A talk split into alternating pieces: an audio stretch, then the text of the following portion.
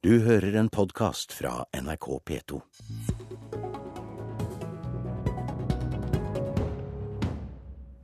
Erna Solberg på vei til toppmøte i Haag for å drøfte krisen i Ukraina og hvem som skal bli ny generalsekretær i Nato. Men først kommer statsministeren hit til Politisk kvarter. God morgen, jeg heter eh, Per Arne Bjerke og ønsker statsminister Erna Solberg velkommen i studio mandag 24. mars. Takk skal du ha. I morgen reiser du til Haag i Nederland, nei, i morges reiser du til Haag i Nederland for å delta på toppmøte sammen med ledere fra mer enn 50 land. Temaet er egentlig atomsikkerhet, men eh, samtalen i Haag kommer også til å dreie seg om krisen i Ukraina og spørsmålet om hvem som skal bli ny generalsekretær i Nato. Aftenposten skriver i dag at Jens Stoltenberg blir ny generalsekretær. Hva vet du om hvor langt prosessen nå er kommet? Jeg syns egentlig det er unaturlig at jeg skal kommentere prosessen på vei. Vi vet at alle sånne prosesser, særlig organisasjoner som bygger på å skape konsensus om hvem som skal bli ledere fremover, bygger på pro-kontra-diskusjon mellom landene. Eh, og så mener jeg at Jens Stoltenberg er en person med mange gode kvalifikasjoner. Jeg syns det er en blomst både til Norge og til han at han nevnes i disse spekulasjonene. Men så må media rett og slett få lov å spekulere uten at jeg skal kommentere det. Men eh, senere i dag så møter du da Merkel, Cameron og Obama, for å nevne noen. Hvordan vil du argumentere for Stoltenberg som ny generalsekretær? Altså, Først og fremst så, så mener jeg at, eh, at, argumentene eh, for Stoltenberg dreier seg om hans, den kjennskapen alle disse lederne har til hans lange virke som statsminister i Norge, deltakelse internasjonalt. Og eh, det trengs ikke særlig argumenter for dette. Det viktige er, er kanskje å si at uh, i den situasjonen vi har, er nå i, uh, så vil det være fint hvis vi hadde fått en rask avklaring på hvem som skal bli Natos generalsekretær. Men det er også alt det jeg har tenkt å si. Du nevner en del om eh, Stoltenbergs eh, lange erfaring. Hvilke andre personlige kvalifikasjoner mener du han har, han har som gjør ham spesielt egnet til denne veldig krevende stillingen? Altså, jeg, jeg mener jo at han, har, eh, at han er en konsensusorientert politiker. At han, det jeg hører fra de som har sittet og jobbet med han, er at han er flink på å prosess, noe som han av og til blir kritisert for. Men, men fordi man gjerne vil ha sånn avklaring med en gang på enkelte saker. Men denne saken Jeg tenker nå at eh, først og fremst så må denne prosessen gå i de organene som, mm. som eh, drøfter eh, hvem som skal bli Nato-generalsekretær. Hvor viktig er det for, Norge å få en slik stilling? Jeg mener at det er positivt for oss i et sikkerhetspolitisk bilde hvor, hvor eh, det å ha en Nato-generalsekretær som har kunnskaper om eh, våre områder, nærområdene. Vi har hatt en fordel ved at eh, vi har hatt en danske, eh, Vogt Rasmussen, som, eh, som, generalsekretær de siste årene.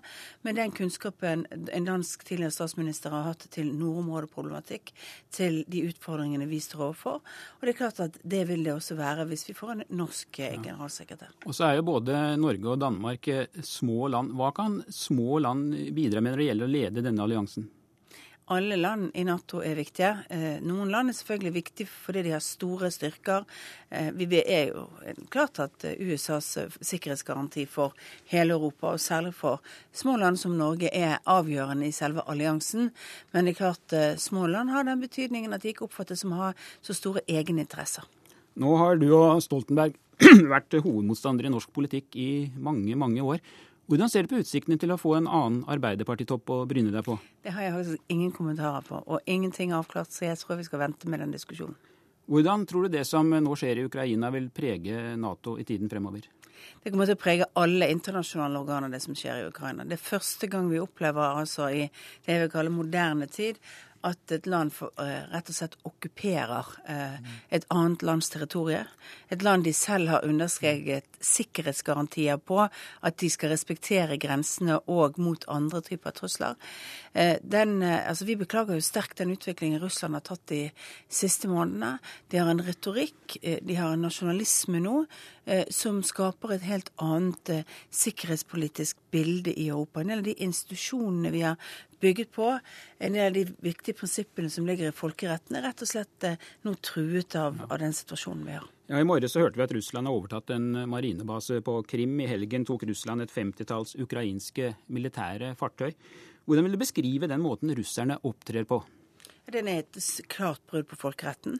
De har selv undertegnet og akseptert uh, Ukrainas sine, sine grenser. Uh, de, um, og nå holder de på med en ren annekteringsprosess av, av Krim, hvor de befester alle, alle, de militære posisjonene. Og det er klart Den doktrinen som man kunne lese ut av Putins tale i forrige uke, om at de vil gripe inn ethvert sted hvor russere føler seg Eh, diskriminert eller truet, den gir jo også ja, eh, litt eh, gir jo litt skremmebilde til situasjonen andre steder. Så håper jo vi at vi klarer å holde denne sikkerhetsarkitekturen vi har i Europa i stand. At vi klarer det positive som har skjedd, er at man nå har sagt ja til en OSSE eh, observatørstyrke til Ukraina, eh, som altså skal ut bare og være der og se. Eh, for vi vet jo at eh, det finnes ikke noen uavhengig eh, begrunnelse for eh, at russerne på Krim f.eks. skulle føle seg diskriminert og være noen grunnlag for den, eh, det russerne har sagt som bakgrunn for at, eh, at, de nå har rett og slett satt styrker i land og befestet Krim. Hva gjør dette med forholdet mellom Russland og Vesten, slik du vurderer det? Det er på et frysepunkt. Det er egentlig langt under nullpunktet for øyeblikket. Det er og det i en tid hvor vi faktisk hadde trengt godt internasjonalt samarbeid, og hvor Russland burde vært en partner for, uh, i resten av verden, f.eks. For, for å finne løsninger i Syria. Den kanskje mest forferdelige krigssituasjonen vi har noe sted i verden for øyeblikket, uh, som, som, sitter i en fastlåst situasjon, også pga. Uh, russernes uh, delvise støtte til dagens regime der. Du sier frysepunktet. Betyr det at du mener at vi nå er tilbake til den kalde krigen før Berlinmurens fall? Vi er jo ikke helt der, men med den retorikken som russerne har hatt i det siste, eh, hvis de skal forfølge den over tid, ja, så kommer det til å bli eh, betydelig mindre samhandling mellom eh, Europa, Russland, Russland og resten av verden. Nå har det jo kommet en del økonomiske straffetiltak mot russerne uten at det ser ut til å gjøre særlig inntrykk på Putin. Hva mer kan Vesten gjøre? For det første så vil jeg ikke si at det ikke gir inntrykk på Putin. Det er klart at, de, at han vil alltid oppføre seg som at det ikke har noen virkning. Men dette er målrettede tiltak. Dette er det vi har ofte kalt smarte tiltak. Istedenfor å lage store økonomiske sanksjoner som rammer befolkningen i et land, så går man på ledelsen. Og jeg mener at dette med kirurgisk presisjon funnet frem til de personene som, eh, som sitter tettest på beslutningsprosessen, både rundt Putin og i, rundt eh, annekteringen og, eh, av, av, Krim. Eh, så sånn sett så tror jeg at disse virker mer enn russerne vil gi inntrykk av. Nå I Haag så kommer jo da både Merkel, Obama som vi nevnte, og lederne fra samtlige Nato-land. Hva venter du skal komme ut av de samtalene som skal være der i dag og i morgen? Først og fremst så skal vi konsentrere oss om atomsikkerhet. Dette er jo en oppfølging av mm. Eh, et initiativ Obama tidlig tok om å sørge mm. for sikring av ulike typer eh, spredningsfaremateriale. Norge har gjort en stor innsats på det. Jeg syns egentlig vi skal feire litt det vi har klart å gjøre, at 251 eh, fyrlykter mm. som russiske fyrlykter som har stått i Østersjøen og langs norskekysten med ganske radioaktivt farlig innhold, nå er fjernet og erstattet med solceller pga. et samarbeid mellom Norge, Russland og andre nordiske land. Eh, det, det var faktisk en kilde til som kunne vært tappet for f.eks. terrorister til mm. bruk til å lage skitne bomber. Dette er jo en struktur som er laget de siste årene for å få til sikring av eh, av spredningsfaremateriale i, eh, rundt omkring i, eh, i, hele Europa og eh, i hele verden.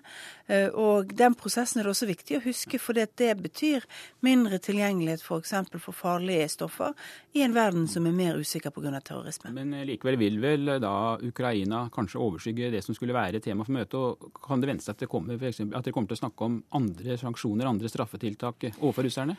Dette er jo ikke et, et møte som kommer til å vedta noen ting rundt rundt det, men at det blir konsultasjoner mellom ulike lands ledelser, det er jeg helt sikker på. Og konsultasjoner også med, med Ukraina og med, med, Lavrov, som er altså en russisk utenriksminister, som også kommer til å være til stede. Ja.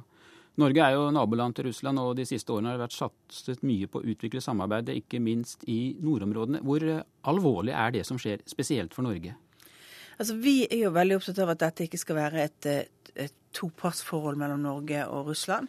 Vi er opptatt av at uh, våre reaksjoner, vår avstandstaking, skal være i tråd med det som skjer eh, på Vesten. At vi, vi, står felles i linje eh, på det eh, folkerettsbruddet som, som, er så tydelig som Russland nå har gjort. Eh, så håper jo vi at vi fortsatt skal ha et godt samarbeid f.eks. om atomsikring i nord. Det er noe vi har jobbet med siden 90-tallet i Norge.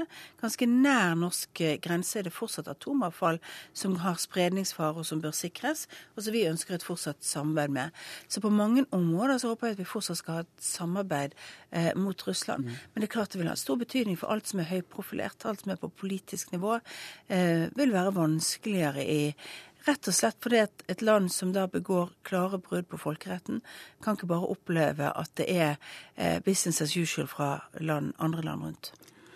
Vi skal forlate internasjonal politikk og snakke litt mer om hjemlige forhold. For i går ettermiddag hadde Høyre sentralstyremøte. Der fortalte du at tallet på lærere som søker om etterutdanning har økt med 75% på ett år.